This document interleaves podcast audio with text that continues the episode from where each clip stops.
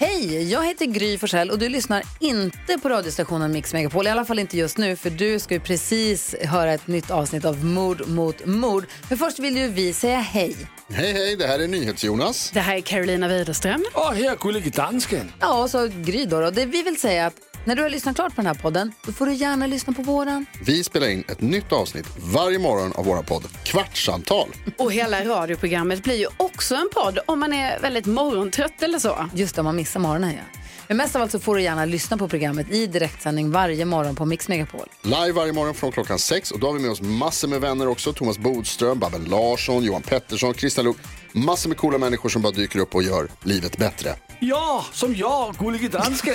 Exakt så. Och så mycket bra musik och annat skoj såklart. Så vi hörs när du vaknar på Mix Megapol. Podplay.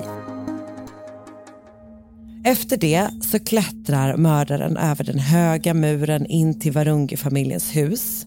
Det är taggtråd högst upp och han liksom riv, river sig typ, men fortsätter ändå. Och där inne gömmer han sig och väntar på att Nicolas Varunges bil ska komma körande genom porten. Och sen sätter då mördaren resten av sin plan i verket. Ann är i köket och lagar middag till familjen när hon ser något utanför fönstret. Det är som en liten eld som brinner på marken så hon går ut för att kolla vad det är. Usch. Uh. Men hon hinner knappt att undra var den kommer ifrån och vad, liksom vad den gör där innan hon hör något och vänder sig om.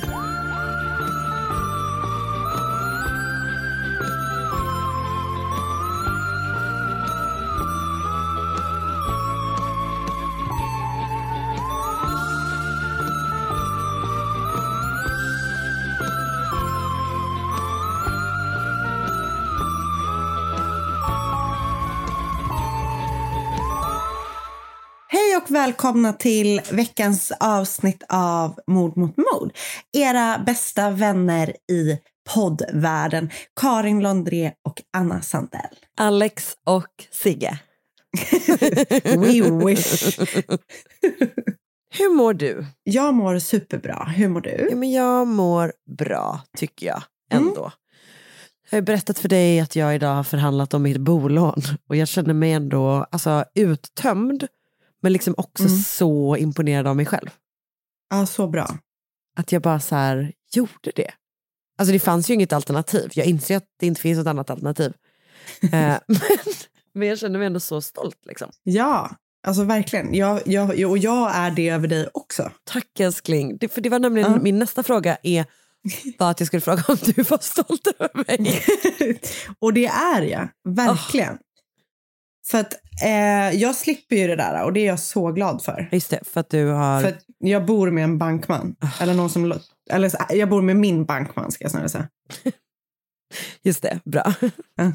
eh, men även då idag, en annan bra sak som hände idag var att jag då ringde min mamma förstås och pratade om de här olika sakerna och att även hon sa att hon var stolt över mig. Ja, bra. Kanske inte riktigt exakt så, men det var verkligen så jag tolkade det. Och ja, det är rätt. ju det jag eh, men lever för. det ja. känns ju jättebra. Vad skönt. Du ja. lever både för mitt och din mammas eh, godkännande och ja, men, eh, stolthet. Och nu har du fått båda på en och samma dag. Precis så. Alltså jag skulle säga att du är väl liksom ett ställföreträdande. Alltså, mamma är liksom eh, roten av ja. eh, mitt behov av att folk ska känna sig stolta över mig. Och du är liksom förlängningen, så kan man säga. Ah, okay. Tack! Jag bär det stolt eh, på mina axlar och förvaltar det arvet efter Rosita. Eller, eller så här, förvaltar Rositas, för, jag är för, Rositas förlängda arm ja, i Stockholm. Så ska jag säga. Mm. Mm. Bra. Kul! Ja. ja, men väldigt bra jobbat Karin, det ska Tack du verkligen snälla. ha. Tack snälla. Mm. En annan dålig, en dålig sak. Nu bara, Vad är det? Nu, nu bara pratar jag. Nu börjar jag prata på. Ja, kör hårt, kör hårt. Men det är väl det som är att ha en podd antar jag. Jag tror det. Um, en dålig sak som hände som har hänt är att uh, vi i helgen kollade igenom Marcus uh, Flashback-tråd. Ah, nej, gud, det skulle jag aldrig våga göra. Nej, men om alltså, det den, var, någon om den var väldigt kort. Alltså väldigt. Okay. Uh, det som var roligast med den var att det stod att han gillar att röka kopp efter kopp. Vad betyder det? Men Anna, Bara tolka Jag det så som du tänker att du kan tolka det. Men Okej, det det, är som att, droger att göra. det är som att... Bra, skönt att höra. Cigaretter. Eh, det är som nej, fiskar. Han gillar att röka kopp efter kopp, alltså rökt makrill. Han har en makrillsrökningsbusiness hemma. Eh, nej, men han, det står tyvärr även att eh, de, det är en person som är ganska säker på att eh, vi är swingers eller poly. Nej, jo, Gud, blev du stolt eller kränkt när du nej läste det? kränkt. Ja, okej. För jag tänker så här, jag bara, vad har Markus varit ute och gjort? Ja, i och för sig. Men också, vad i vår relation är det som... Alltså jag säger inte att det är något dåligt. Du förnekar med att inte. Swingers eller poly. Jag säger bara att jag är så himla himla monogam. Det är du verkligen. Och Markus med hoppas jag. Alltså, jag vet inte Karin. Jag kommer, jag kommer, inte, gå, jag kommer inte gå i god för det. Eftersom jag, inte, eftersom jag inte kan svara på det. Men jag tror att han känns, alltså jag, ska, jag ska inte heller svära på det, men han känns också väldigt monogam. Ja, absolut. Alltså jag tror liksom inte han hade klarat av att ha en till. Nej, nej. Hoppas inte.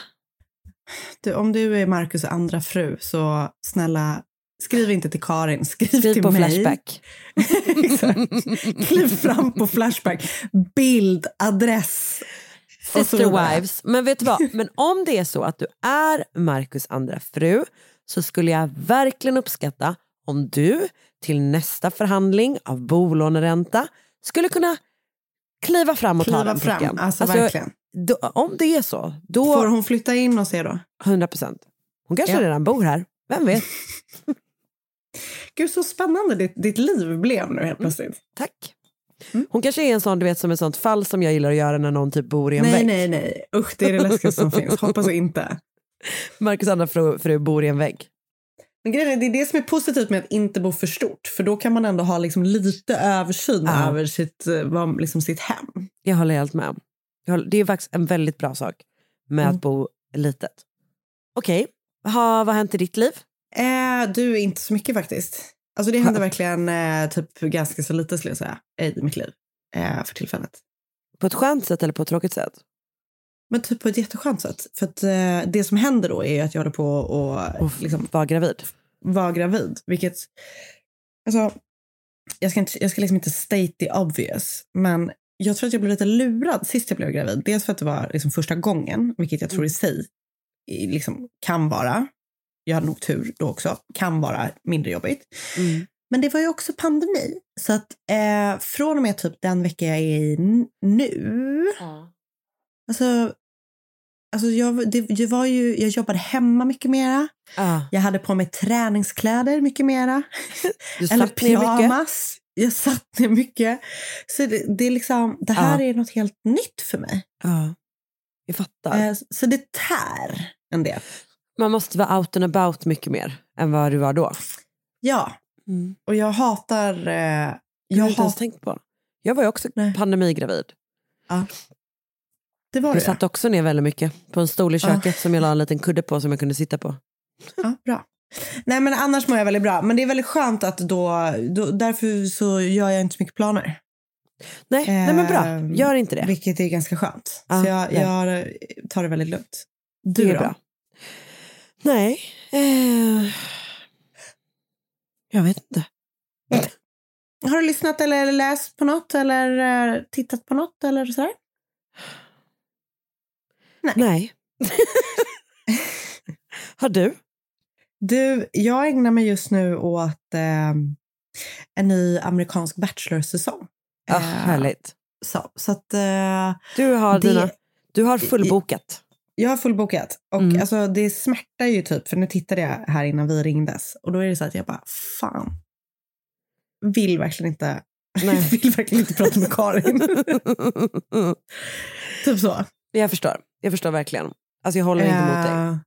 Nej, jag vill också hellre Även om han att är skitstörig. Han är så störig, Karin. Alltså, ja, alltså, det, är ju aldrig, det har aldrig varit någon kille i Bachelor som man har känt så här, gud den här killen skulle jag bli kär i. Nej. Men det här är nog den som jag känner, Värsta.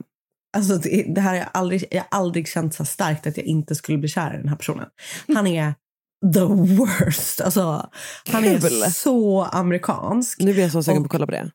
Och liksom inte amerikansk sådär, alltså amerikansk mes, en amerikansk good guy. Alltså du vet att han är så här...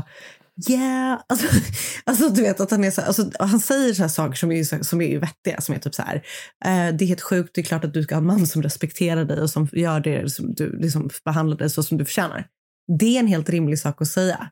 Men Mm. hans leverans i det är så att man är så här, eh, jag tror att jag kommer slå dig rakt i ansiktet. Men är, får du känslan av att han eh, är ett riktigt as bakom stängda dörrar? Alltså att han är Nej. den typen av good guy? Nej. Jag tror typ inte, eller jag vet inte. Han, Han är, du tycker bara han är en tönt? Han är en sån jävla tönt. Och han blev så här, han, han var med i Bachelorette, det är ju ofta så att de har varit med Ah, i, just det. i förra Så säsongen. slussas Och de där, över. Exakt, och där blev han sjukt sårad. Såklart. Eh, och han hade vet, så här, alltid uppspärrade näsborrar när han pratar. Alltså förstår du den looken? Det är så jävla on-brand day och stör dig på det. Det är som att han alltid är så här, uh, har lite där på rösten och alltid uppspärrade näsborrar. Men det är någonting som gör att det ser så himla så här, man ser inte ut som att man är en äkta person när man hela tiden spärrar upp näsborrarna. Jag kan Nej. inte förklara den känslan. Nej. Det är bara så kul att ha en sån detalj och verkligen vara så här, det här betyder något. Det är det jag det gillar gör med det. dig. Det gör ja, jag gör det. det. Jag hör det. Jag gillar det så mycket. Okej, men så titta på det för det är alltid, det är alltid varje måndag en och en halv timmas pure joy. Det är så ändå. långt. Kan du skicka en bild till mig på honom när han har uppspärrad näsborre? ja. En printscreen ja, liksom. ja, ja, ja, ja, ja. Jag behöver typ inte ens hitta, jag kan, du, du, absolut, ja. Jag bara googlar honom för han har alltid det. Ja, han har alltid det. jag ska hitta Ah, en det är bild så nu. bra. Det är så, så bra. Okej, men bra. Då kollar du på det och eh, så är det med det. Så är det med det. Nu ska jag skicka en bild till dig. Du kommer Okej. die. Men det är också något med Hur folk. punchable? De är så uppspärrade. Hela tiden. De är så uppspärrade. Åh, gud Ja, vad det är roligt. sjukt. Oh, fan vad. Eh, ska vi sätta igång vår podd? Han ser ut som ett helt stockphoto liksom. ja. ja, ja, ja. Gud vad roligt. Eh, ja, vi sätter igång med vår podd. Ny säsong av Robinson på TV4 Play. Hetta, storm, hunger. Det har hela tiden varit en kamp. Nu är det blod och tårar. Liksom. Fan händer just nu. Det. är Detta är inte okej. Robinson 2024, nu fucking kör vi! Streama söndag på TV4 Play. Ett poddtips från Podplay. I podden Något Kaiko garanterar östgötarna Brutti och jag, Davva, dig en stor dos skratt. Där följer jag pladask för köttätandet igen. Man är lite som en jävla vampyr. Man har fått lite blodsmak och då måste man ha mer. Udda spaningar, fängslande anekdoter och en och annan arg rant. Jag måste ha mitt kaffe på morgonen för annars är jag ingen trevlig människa. Då är du ingen trevlig människa, punkt. Något Kaiko, hör du på Podplay. Därför är gardinerna.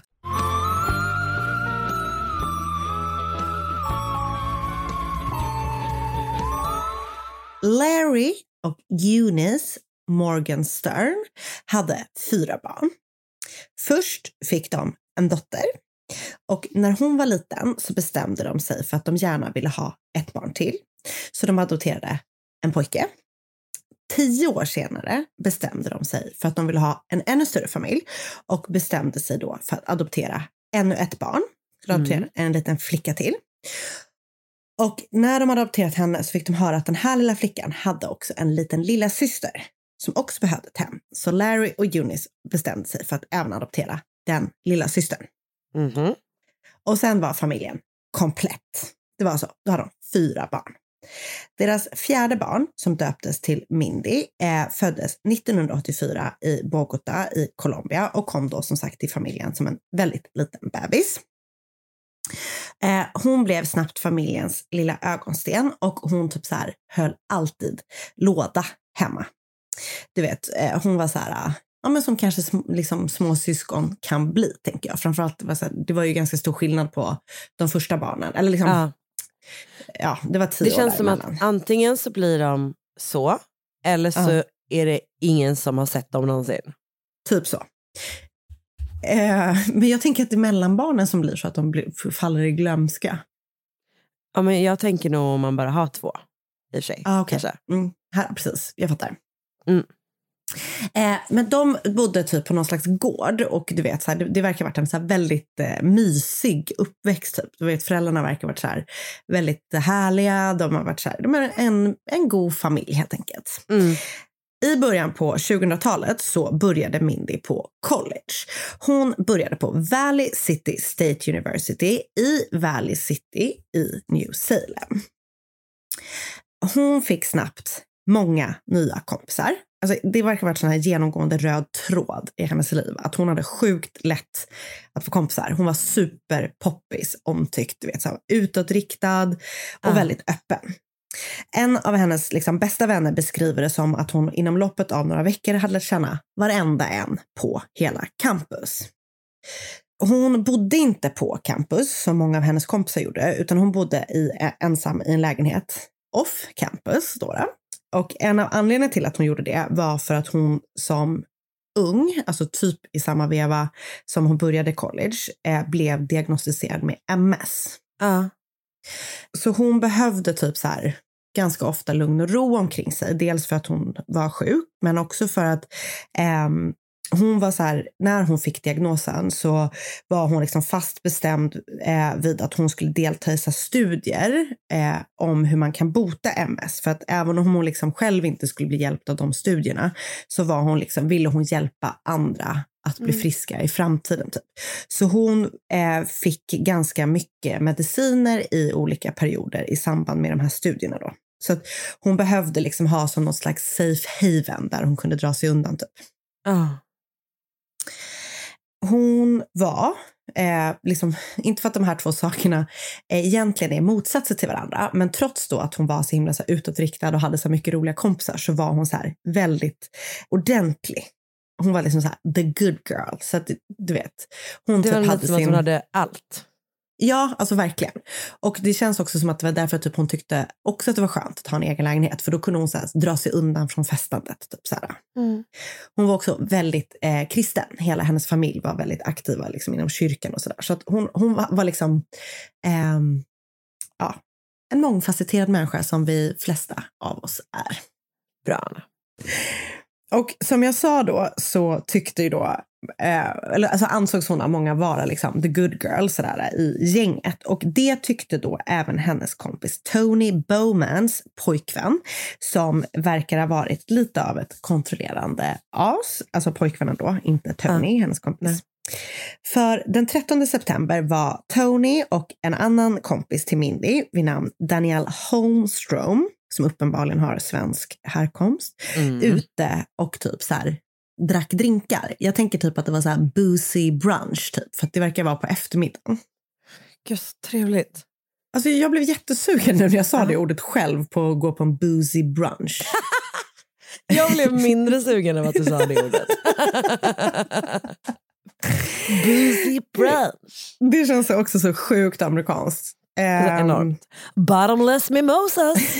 ja, så härligt ju. Fast jag vill härligt. bottomless, bottomless uh, bellinis. Tar jag hellre. Ah, gott det ju. blir så Godare, starkt. Mm. Eh, Det kan vi göra och- när du har fått barn. Då kan ja, vi ta... det ska bli så trevligt. Det gör vi. Det blir toppen. Eh, och de var då ute och drack drinkar typ. Och då ringde Tonys pojkvän till Tony och frågade vad hon gjorde. Och han, istället då för att säga så här, jag är ute och dricker eh, bottomless mimosas med, mina, med min bästis. Mm. Så var hon typ så här, ja men typ ingenting, eh, vi är så här med Mindy och några kompisar. Och då är, hon, då är han typ så här, får jag prata med Mindy? Igen, kontrollerande as. Mm. Eh, men Mindy var ju inte med Tony. Så Tony är typ så här, ja men typ stålare på något vis, kanske säger att hon är på toaletten eller någonting. Och sen då lägger de på och så försöker hon ringa till Mindy för att vara så här, kan du ringa min kille och typ Ugh. säga att du är med mig. Och eh, de ringer och ringer, men Mindy svarar då inte. Så till slut så bestämmer de sig för att åka hem till Mindy för att se liksom, om hon är där eller varför hon inte svarar. Typ. Så de åker hem till Mindy, parkerar utanför hennes lägenhetshus och sen springer Tony in för att kolla läget. Hon knackar på dörren och känner genast om dörren är öppen, som man ju gör hos sin bästa vän. Och eh, så är det öppet, så hon bara kliver rakt in. Typ. Och hon hinner knappt kliva in genom dörren innan hon får vara med om det absolut mest fruktansvärda man kan tänka sig och hitta sin vän död. Och Tony skriker ju såklart när det här händer. Hon blir jättechockad och rädd och skriker superhögt så att Mindys granne Robert reagerar på det här och kommer springandes. Han säger åt Mindy att ringa polisen medan han kollar om Mindy fortfarande typ har puls. Polisen och ambulans och allting kommer såklart till platsen och kan konstatera då att Mindy inte längre lever. Hon har fortfarande sin väska typ på armen och eh, sina nycklar i handen. Hon har ett bälte runt sin hals och har blivit huggen med en kniv i halsen. Polisen reagerar på att det luktar väldigt starkt av ett eh, rengöringsmedel som heter Pine soul när de kommer in. Och polisen kan konstatera att ingenting har blivit eh, stulet eller så stört, du vet runtflyttat eller så här stökat runt om med i lägenheten. Hennes plånbok är kvar och hennes mobil är kvar. Så att det liksom, lägenheten är helt som vanligt förutom Ah. att eh, hon har blivit mördad där. Obduktionen visade att hon har dött av både strypning och av knivskadorna i halsen. Hon har inte blivit utsatt för några sexuella övergrepp eh, och den starka doften eller lukten av pine sol be- berodde på att gärningspersonen hade hällt ut det över Mindys kropp. Vad fan? För att förstöra bevis? Ja, eller liksom, vad tror man? man tror att antingen var det för att förstöra bevis eller så var det typ för att så här, och jag vet inte om det är faktiskt är en verklig teori för att det verkar ha varit en sån liten mängd ändå. Men att en teori var också typ för att man skulle så försöka förstöra typ vävnaden liksom. Okej. Vilket också är väl typ att förstöra bevis antar jag. För att, Mm. ja. Och det här fruktansvärda mordet på en väldigt omtyckt person skapade såklart väldigt mycket så här känslor och sorg, inte bara i familjen och bland hennes vänner utan hela staden liksom verkligen skakades av det här. För du vet, hon var ju så här, ja, hon var en sån som alla kände. Du vet, en av poliserna som kom till liksom, brottsplatsen först kände henne, gillade henne, hade en relation till henne. Så hon var liksom verkligen så en toppenperson och ingen kunde förstå vem som ville eh, henne illa.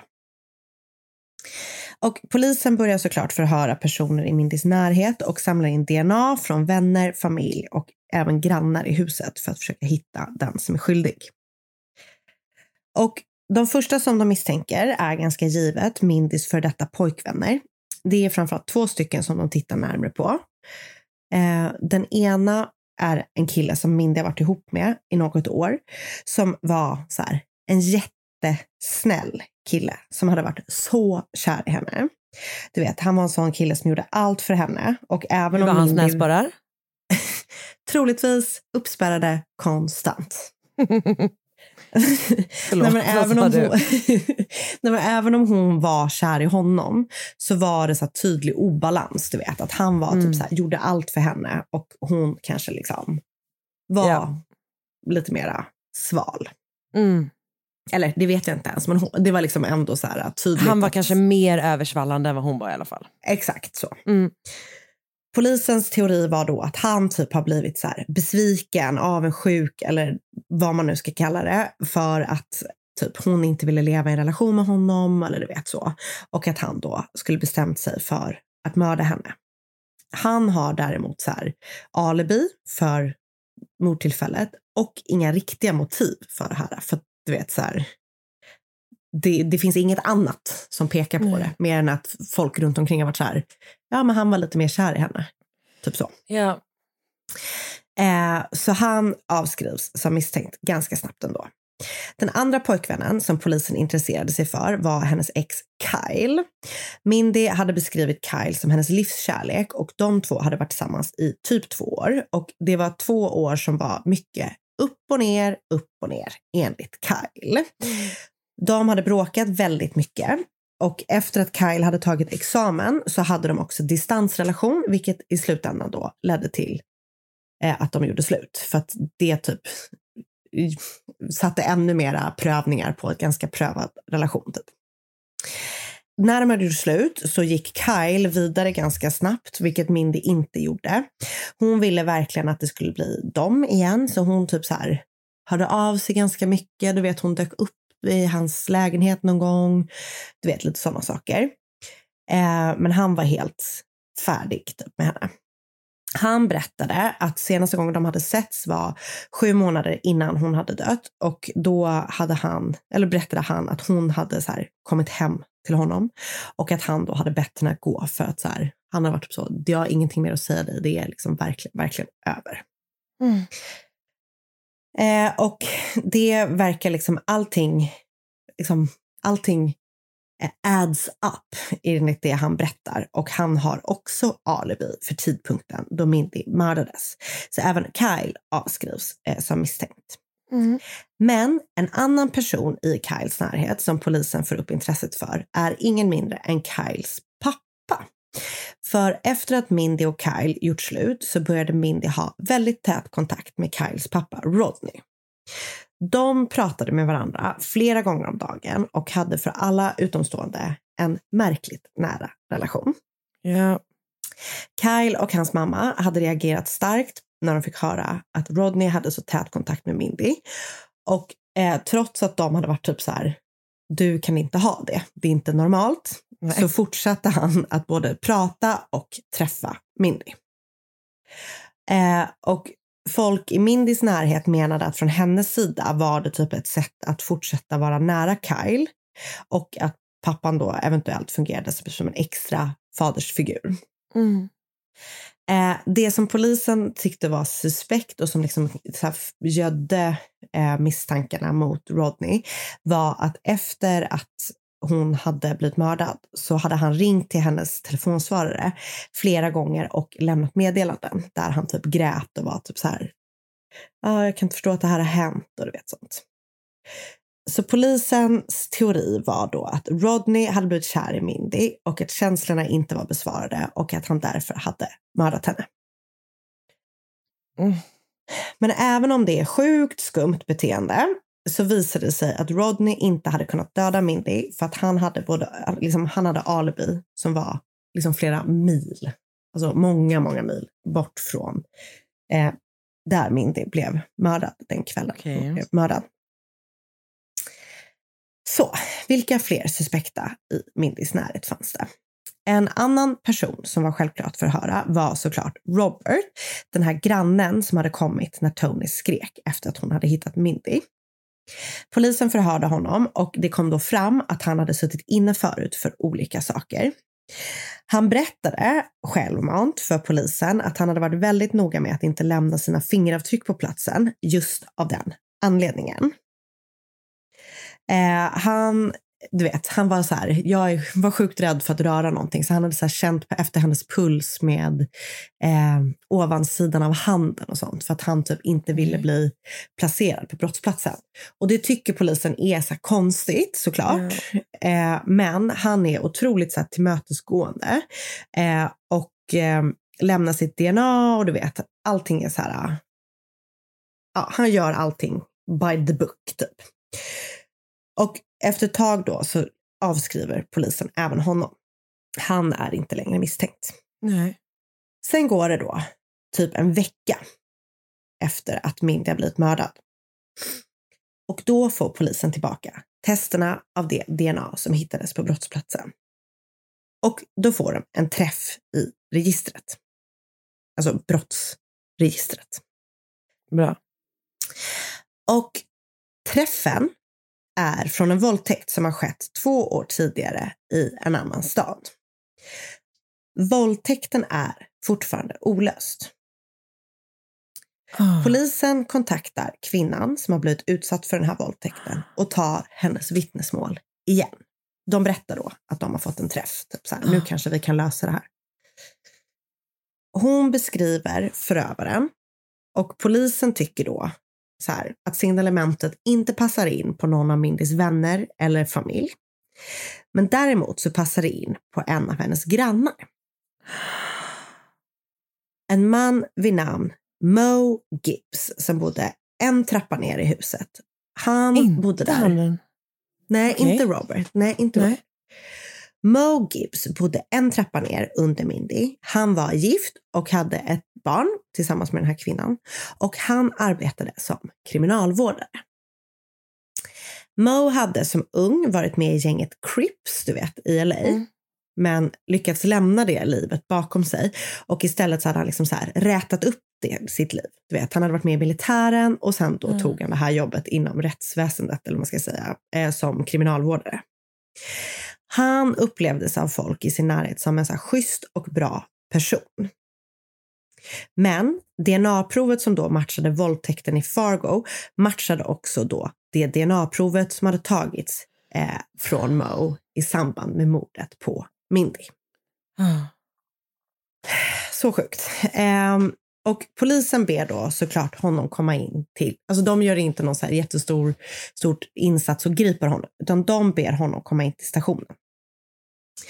Då, alltså det här är också så hemskt, då har han med sig sin lilla dotter dit till, eh, ehm, till förhöret. Och det, ja precis. Eh, och, och, så de typ så här, ja men du får, det här, du, vi vill prata med dig i fred liksom. Och eh, så förhör de då eh, Mo om vad han gjorde när Mindy mördades. Han berättar vad han har gjort och han säger också att han inte har lagt märke till något konstigt i huset utöver att han, reager, att han hade reagerat på att det luktade så starkt av det här rengöringsmedlet. Han berättade också att han inte hade träffat Mindy på en vecka, alltså från en vecka innan ett, att hon hade blivit mördad. Och att han då hade hjälpt henne upp i hennes lägenhet eh, för att hon hade haft så mycket att bära på. Polisen berättar då i förhöret att de har DNA från brottsplatsen som matchar Mo. Och han säger så här, ja men det kan inte stämma. Och sen frågar de då om våldtäkten och säger att de har fått träff mot den här våldtäkten som på, skedde då två år tidigare. Och då säger han typ så här, ja det stämmer att jag bodde i Fargo, den här staden där våldtäkten eh, skedde. Men han sa att han absolut inte hade våldtagit någon där. Han berättade typ så här eh, att han hade haft liksom, många olika sexuella partners, som han kallade det för, men att han hade absolut inte våldtagit någon. Den här kvinnans vittnesmål var ju så här jättetydligt, typ. alltså, hon, alltså fruktansvärt. Liksom. Men han är bara så här, nej, nej, nej, jag har aldrig våldtagit någon, det där det stämmer inte. Typ. Eh, och polisen köper ju såklart inte det här. De har ju liksom DNA-bevis eh, och tycker att det här är skitskumt. Så han grips och åtalas för mordet på Mindy. Polisen uppmanar honom att erkänna eftersom att de har då de här liksom faktiskt konkreta DNA-bevisen. Men han vägrar. Han fortsatte, fortsatte att förneka att han hade någonting med mordet på Mindy att göra. Ingen som kände Mo kunde tro att han hade liksom, gjort någonting sånt här fruktansvärt. Nej. Men efter att han gripits var det flera kvinnor som klev fram och berättade att de hade blivit utsatta för sexuella övergrepp av Mo när han var i sin roll som kriminalvårdare. Alltså typ när de var i häktet. Åh, fy fan. Alltså jävla hemskt. Det kom också fram att Mo vid något tillfälle hade bytt namn. Han hade tidigare gått under namnet Glendale Morgan Jr. och när han hetat så så hade han varit med i en drive-by shooting där han hade åkt fast och sen suttit fem år i fängelse. Så när han kom ut från fängelse så hade han då bytt namn till Mo Gibbs. Mm.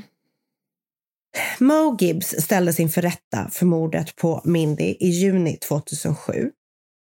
Våldtäkten i Fargo och de här sexuella övergreppen han hade begått på sitt jobb fick då inte vara en del av den, den rättegången.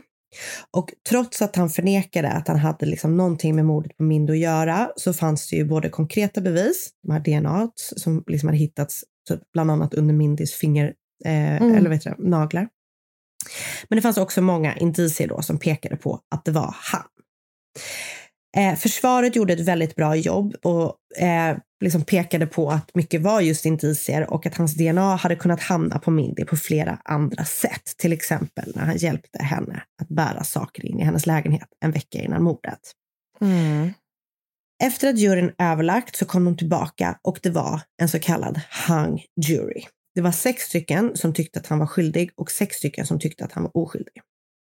Fallet prövades då på nytt och då landade juryn i att han var skyldig till mordet på Mindy och han dömdes till livstid i fängelse utan chans till frigivning. I rätten så uttalade sig man, Mindys mamma Eunice och hon sa att hon förlät honom trots det fruktansvärda han utsatt hennes dotter för. Även när hon gjorde det så fortsatte han då bara att förneka och sa att han inte hade någonting med mordet att göra och om den riktigt skyldiga personen skulle komma fram så skulle han förlåta den personen precis så som Eunice förlåtit honom. Eh, alltså störigt.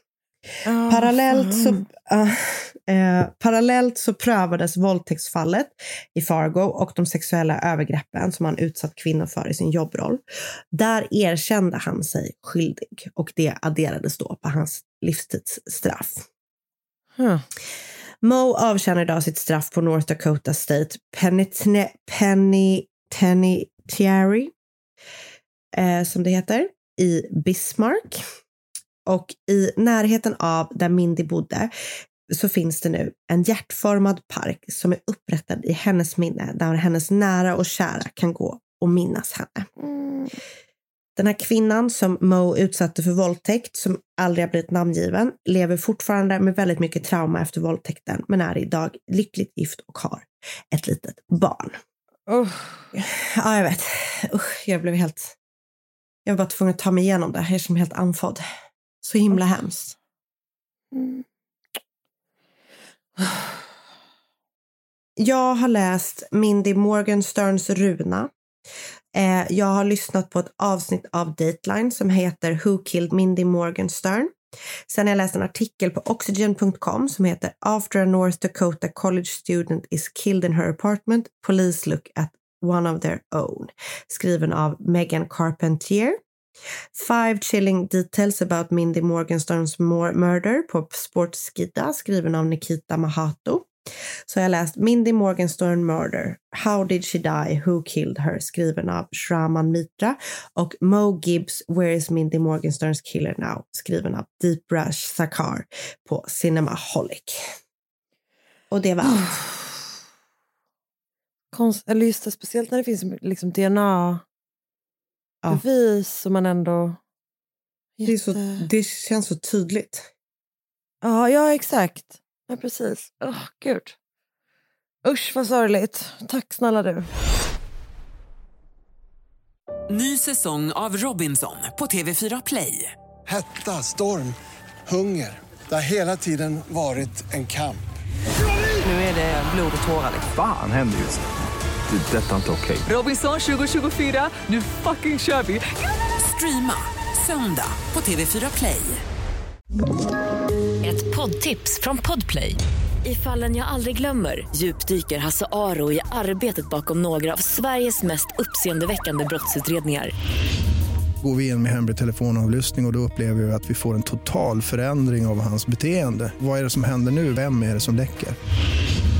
Och så säger han att jag är kriminell, jag har varit kriminell i hela mitt liv men att mörda ett barn, där går min gräns.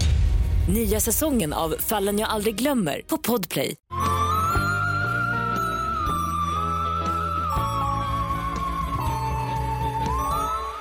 Kvällen den 5 januari 2021 kommer ett par personer hem till det hus de delar i Karura Ka Murimo i Kiambu-området, en dryg halvtimme norr om Nairobi i Kenya. De jobbar tillsammans på gården som huset ligger bredvid. Alltså det är liksom en del av en sån compound, eller vad man ska säga. Och de har varit på någon slags fest tillsammans, men när de kommer hem så upptäcker de något fruktansvärt. Deras kollega Altiallon och byggarbetaren James Kinyanyui har mördats. Och han har utsatts för liksom hemskt våld med både en, ett järnrör och kniv. Och James bor i det här huset för att hans familj, han är pappa till två barn och gift med eh, en kvinna som heter Florence. De har blivit av med sitt boende och han har flyttat in där för att jobba på gården för att typ försöka försörja sin familj. Men nu har då någon istället mördat honom och polisen tillkallas förstås och de säkrar platsen och börjar försöka utreda vad som har hänt. Det finns inga tecken på att någon har så brutit sig in eller sådär och man hittar inte heller något mordvapen på platsen. Polisen försöker få kontakt med familjen som James jobbar för och som bor på det här liksom, huvudhuset i den här gården. Eh, familjen Varunge heter de. Eh, och han vill, polisen vill helt enkelt fråga om de har hört eller sett någonting eller typ informera om att ett mord har skett på deras gård. Sådär. Men polisen knackar på porten till huset eh, och det är ingen som öppnar. Så det här huset är liksom omgärdat av en jättehög mur typ. Eh, Mhm. så de, det är liksom, de knackar på, på eh, porten till muren helt enkelt. Men där är det ingen som, som öppnar för dem. Ehm, och man, det här är typ lite sent på kvällen så man misstänker att de nog har gått och lagt sig och bestämmer sig för att komma tillbaka dagen efter. Det de inte vet då är att personen som mördade James Kinyanui befinner sig innanför de tre meter höga murarna i familjens hus. Och inte nog med det, för James är inte den enda personen som gärningsmannen mördat den här kvällen. Nej. Familjen Varunge då bestod av pappa Nicolas Njoroge Varunge, mamma Ann Vanjiku Varunge, sönerna eh, Lawrence Njoroge och Christian Njenga, döttrarna Njeri och Grace. Så de är helt enkelt fyra barn, två föräldrar. Pappa Nicholas beskrivs i vissa källor som sjuksköterska och i andra som affärsman. Det verkar som att han har eh, varit liksom sjuksköterska. Han har varit sjuksköterska och jobbat i USA. Och jag vet inte om det är för att han helt enkelt du vet, tjänar mer pengar där. Antagligen är det Ja. väl så. Så han är liksom borta mycket. Och sen så verkar det också som att han har hållit på med lite så här landaffärer och så. Eh, så att jag tänker att det kanske är därifrån det här affärsmansbiten kommer ifrån. Eh, så. Ehm, men även mamma Ann jobbade inom vården och hon var en väldigt uppskattad kollega på Vanjinge Hospital i Kiambu. Jag tror att Lawrence var äldst och vid den här tiden, alltså januari 2021, så var han då i tidiga 20-årsåldern och gick på universitetet på Mount Kenya University och hade flickvän och sådär där. Så han var liksom väldigt väletablerad utanför föräldra, föräldrahemmet kan man säga. Båda döttrarna gick på internatskola så de bodde inte heller hemma heltid. Pappa Nicholas kom hem från USA i början av december 2020 och bodde då nu i huset tillsammans med Ann, Christian, eh, de- den yngre sonen och så deras bror eller dotterson Maxwell som var 13 år gammal. Och i vissa källor beskrivs det som att familjen Varunge hade adopterat honom eller att han var där väldigt mycket, liksom bodde där long term. I andra källor så är det mer som att han bara var på besök där i liksom början av januari ehm, 2021. Um, men han är då där den här tisdagskvällen den 5 januari 2021 när James Kinyanjui uh, eh, har mördats. Och James blir mördarens första offer den här kvällen. För mördaren kommer då först att gå till huset där James bor och där han då är den enda som är hemma för att alla hans kollegor är eh, på någon slags fest typ. Eh, och där träffar mördaren på James. Och James känner mördaren och släpper inte bara in honom utan när mördaren ber om ett järnrör så ger han det till honom. Och sen attackeras han då med det här röret. Liksom. Okej. Efter det så klättrar mördaren över den höga muren in till Varunge-familjens hus. Det är taggtråd högst upp och han liksom riv, river sig typ, men fortsätter ändå. Och där inne gömmer han sig och väntar på att Nicolas Varunges bil ska komma körande genom porten. Vilket den gör vid åtta tiden på kvällen. Och sen sätter då mördaren resten av sin plan i verket. För Ann är i köket och lagar middag till familjen när hon ser något utanför fönstret i, liksom, i trädgården så, bak, bak, liksom, bakom huset. Ah.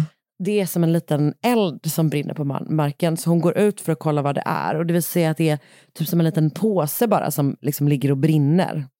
Men hon hinner knappt då undra var den kommer ifrån och vad, liksom vad den gör där innan hon hör något och vänder sig om. Och där möter hon då sin äldsta son, 22-åriga Lawrence. Mm. Och han borde vara på universitetet men står istället i trädgården och i handen har han en kniv. Okej. En kniv som han då snart attackerar sin mamma med. Och hon försöker liksom fly in i köket men kommer inte undan. Ner i köket kommer Laurens kusin, 13-åriga Maxwell. Eh, och när han ser den här fruktansvärda scenen rusar han upp igen och gömmer sig under sin säng. När Oh. Lawrence mördat sin mamma går han upp på övervåningen och eh, där öppnar pappa Nicholas, liksom, han tittar ut från deras sovrumsfönster, eller sovrumsdörr eh, för att typ så här, han har hört ljud, liksom undrar vad som pågår. Och han liksom ser sin son eh, stå längst ner i liksom korridoren med en kniv i handen. Alltså fy Och- fan. Ehm, vilket, och det här tänker jag på något sätt kanske, jag vet inte, tyder på någonting, men hans första reaktion är liksom att fly. Ja. Alltså då menar jag att det, det jag tänker att det kanske tyder på att det har varit jävligt mycket skit i familjen. Alltså att han har liksom haft om, om, om en familjemedlem till mig hade stått med en kniv så hade inte min första tanke Nej, varit nej, nej. han kommer attackera mig helt enkelt. Nej. Så tänker jag. Men, men jag vet inte liksom. Men det är, det är bara någon slags känsla jag fick av det typ. Han ser honom stå längst ner i korridoren med den här kniven i handen och eh, bestämmer sig för att försöka fly. Han rusar in i sovrummet till balkongdörren och kommer ut på balkongen och hoppar alltså ner från andra våningen och börjar typ försöka ta sig till porten för att typ kalla på hjälp. Men grejen är att, och det här är en jävla skräckfilm, han liksom skadar sina fötter i fallet. Ah. Och kan liksom inte, alltså jag vet inte om han du vet, stukar dem rejält eller sådär, men han lyckas inte ta sig till porten innan Lawrence kommer, alltså har kommit ut och typ hinner ikapp honom och går till attack då. Och efter det så mördar han först sin bror Christian och sen sin kusin Maxwell. När han har gjort det så äter han av middagen hans mamma höll på att förbereda för hans familjemedlemmar och tillbringar sen resten av kvällen framför tvn. Och det är liksom där han är då när polisen senare knackar på för att meddela att Jason har hittats mördad. Eh, och han liksom helt enkelt bara gömmer sig och typ väntar på att de ska gå. Liksom, han är där inne med i det här liksom, den här fruktansvärda scenen typ. Alltså, Och sen går han och lägger sig och sover ett par timmar. Eh, vid fyra tiden på morgonen går han upp, packar ihop mordvapnen, blodiga kläder och lite andra så saker som skulle kunna typ binda honom till platsen eller till mordet. Um, och sen så lämnar han huset.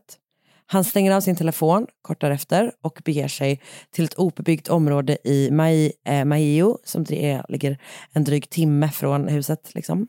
Eh, och där dumpar han mordvapnet och resten av grejerna, gömmer dem någonstans. Liksom.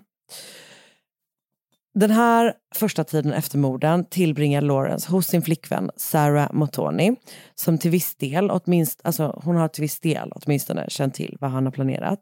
Och hon ska ju ha hjälpt Lawrence att få tag på mordvapnen men har nog till viss del också liksom varit rädd för honom. Alltså så att det är lite oklart hur deras relation har sett ut. Det verkar inte som att polisen tror att hon har varit en superdelaktig alltså, nej, jag fattar. Co-conspirator, eller vad man ska säga. Nej, ja. Men hon har känt till att han har haft liksom någon slags planer, att, alltså, att det här var planerat eh, Okej. har hon vetat. Och hon har eh, varit delaktig i att skaffa de här knivarna till honom. Typ. Okej. Så hon är där, han är där först och sen så åker han till någon annan, en annan släkting eh, som han också då berättar vad han har gjort för. Så det verkar inte som att han försöker hålla det hemligt. Liksom. Och den här släktingen inte bara säger till Lawrence att han måste överlämna sig till polisen, han ringer också polisen och berättar att Lawrence är hos honom. Mhm. Ingen granne hörde något av attacken, och, men flera människor i familjen Varunges närhet har börjat ana oråd när nyheten om Jasons död spridit sig och familjen, familjen typ inte, alltså ingen så svarar i telefonen och sådär. Usch. Jag vet, så polisen får samtal från så oro, oroliga närstående eh, och vill förstås också själva prata med familjemedlemmarna. Så när de väl lyckas ta sig in innanför murarna så möts de förstås då av en fruktansvärd brottsplats. Mm. Och snart börjar folk samlas runt huset för att sörja de döda. Polisen får tag på de stackars, stackars döttrarna Neri och Grace, men Lawrence går då inte att få tag på. Hans mobil är avstängd och det gör att polisen också börjar misstänka att han kan ha varit inblandad.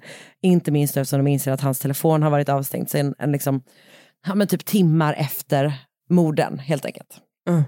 Och sen får de då ett par dagar senare samtalet från släktingen där Lawrence gömt sig. Den 9 januari grips Lawrence för mordet på sin familj. Först förnekar han sin inblandning liksom under någon kortare period. Men snart erkänner han att han har planerat och utfört morden. Han säger att han har gjort det för att alltså, det har liksom legat en väldigt dålig relation till hans föräldrar i grunden. Han har känt sig väldigt avvisad från sina föräldrar. Enligt vissa källor så har han inte varit liksom tillåten att bo i huset. Eh, det är lite oklart, typ. men det har absolut det har liksom funnits konflikt i den här familjen. typ. Mm. Han säger också att han har inspirerats av serien Killing Eve i eh, den här attacken. Aha. Hans plan, säger han, är han öppen med, var att döda alla sina syskon. Så det var bara liksom, jag vet inte om man ska säga ordet tur, men liksom någon Usch. slags tillfällighet att Grace och Njeri inte var hemma och överlevde då. Men fy. Han leder polisen till mordvapnen eh, och de andra sakerna från, som han då hade dumpat. Liksom. Så att han, han berättar för dem vart de finns och de är där och hämtar dem. Till en början så grips då också då Sara Motoni för sin delaktighet i brotten. Men Ah. snart läggs misstankarna mot henne ner och istället vittnar hon för statens räkning om att Lawrence just planerat mordet på föräldrarna. Att han har försökt med henne, få med henne på planen genom att typ prata om att så här, de kommer aldrig acceptera vår relation. Typ. Eh, v- det här är typ det bästa för oss så att vi kan vara tillsammans. Det har varit lite grann hans, vad han har sagt till henne. Typ. Ah. Två gånger anses Lawrence inte vara i tillräckligt bra psykisk form för att ställas inför rätta. Men man gör liksom nya rättsmedicinska undersökningar, eller rättspsykiatriska undersökningar, eh, typ med 30 dagars mellanrum. Och tredje gången så anses han då vara frisk nog för att vara med i en rättegång. Mhm. Men redan innan den hinner börja kommer nästa vändning i fallet. För Lawrence tar tillbaka sitt erkännande och hävdar istället att han är oskyldig. Okej. Vilket ju är lite bakvänt då med tanke på att han har lett polisen till mordvapnen. Just det. Det verkar som att det kanske har ställt till det lite i fallet. För vad jag förstår, vad jag lyckats läsa mig till, så har rättsprocessen dragit ut en hel del på tiden sedan dess. Så att de senaste nyheterna som finns om det, fallet, om det här fallet är från tidigt 2022. Och då handlar det om att Lawrence Varungis offers, alltså hans, han, alltså hans offers familjemedlemmar, vilket ju till viss del är hans egna familjemedlemmar och, och släkt och sådär, eh, att de har motsatt sig att han ska släppas mot borgen i väntan på rättegång. För att enligt dem så har han uttalat hot mot sina överlevande familjemedlemmar och släktingar inifrån fängelset. Och att han typ har varit så här, har fortsatt haft som liksom ämnat att helt enkelt döda dem helt enkelt. Eh, ja. Och att eh, de därför inte vill tycka att han borde få vara i frihet i väntan på rättegång. Och vad som, vad som har hänt sedan dess är, alltså jag hittar liksom ingen information om det. Eh, så att min gissning är att det har dragit ut på tiden och att rättegången helt enkelt inte har börjat än. Typ. Eh, okej. Det, verkar, det verkar åtminstone inte finnas en dom. Och jag tror att det hade blivit omskrivet om det fanns en dom. För att det här fallet var typ ett av de mest omskrivna rättsfallen i Kenya 2021. Så att det skulle verkligen förvåna mig om det inte har fortsatt rapporteras om. Ah, jag fattar. Jag tror mars 2022 är typ det senaste jag hittat. Och då har det just handlat om det. Så här, ska han få komma ut mot borgen eller ska han inte det? Så jag tänker att jag kommer liksom fortsätta hålla ögonen öppna för fortsättningen. Och om man ser något så får man väldigt gärna tipsa mig. Ja. För det här fallet är, det är, jätte, det är jättekonstigt. Ja, det är så sorgligt och märkligt. Och just det här, jag inser att det är andra gången på ganska kort tid där jag gör ett fall där en son mördar hela sin familj. Det är ju liksom det här familjemordet är ju på något sätt av alla svåra saker som är svåra att föreställa sig Så är det, så är det en, mm. ja, ja, men det är väl, jag antar att det är det som fascinerar mig helt enkelt. Eh, och det här att, för mig, det är någonting med den där scenen. Ah. När en mamma stöter på sin son i trädgården och man tänker att hon kanske var lite så, vad gör du här? Ah. Och sen så liksom händer det här fruktansvärda typ. Det Är det är så vidrigt? jävla Ja, fan drabbande typ. Och så jävla jävla fruktansvärt. Eh, så. så att ehm, det här var då vad som har kallats för The Varunge Family Murders. Ehm, ett väldigt omskrivet fall från Kenya som sagt. Och jag har då sett ett YouTube-klipp från kanalen True Crime Daniel som heter The Varunga Family Massacre. Jag har läst ett antal nyhetsartiklar från Kenyans eh, .co.ek av, eh, skrivna av Stephanie Vangari och Paul Kurgat. Jag har Mhm. läst flera artiklar från The Standard av Brian Okot och Vincent Kejitan. Från Nation, Nation.Kenya av Simon Kiuru och även från Opera News. Och där stod det inte ett eh, journalistnamn. Nej. Men eh, den var hjälpsam ändå. Vad bra. Tack du. Så att, eh, det var det jag hade den här veckan. Tack Karin. Tack ska du Och ha. det var ju allt som vi tillsammans hade den här veckan också. Eller hur? Men Det var det verkligen. vi hörs igen om en vecka. Det ska bli superkul. Och vet du vad jag tänker att vi kan säga? Vi kan säga så här. Snart kommer det lite goda nyheter. Ja, jag tänkte också det. Precis. Hur Eller kan man... Ja, det blir kul. Ni kommer bli glada, hoppas vi. Jag hoppas det. Eller så blir ni arga och blir så besvikna. Ja. Då kommer vi aldrig Då komma har, vi, vidare. då, har vi, Då har vi ett då har vi problem. helt missförstått er. Alltså, och vår relation. Då har vi ett problem. Ja. Tillsammans. Då har vi ett riktigt stort problem. Okej, Men vi hoppas inte det. Hej då! Podplay. Ny säsong av Robinson på TV4 Play. Hetta, storm, hunger. Det har hela tiden varit en kamp. Nu är det blod och tårar. Fan händer just nu. Det. är Detta är inte okej. Robinson 2024, nu fucking kör vi! Streama söndag på TV4 Play.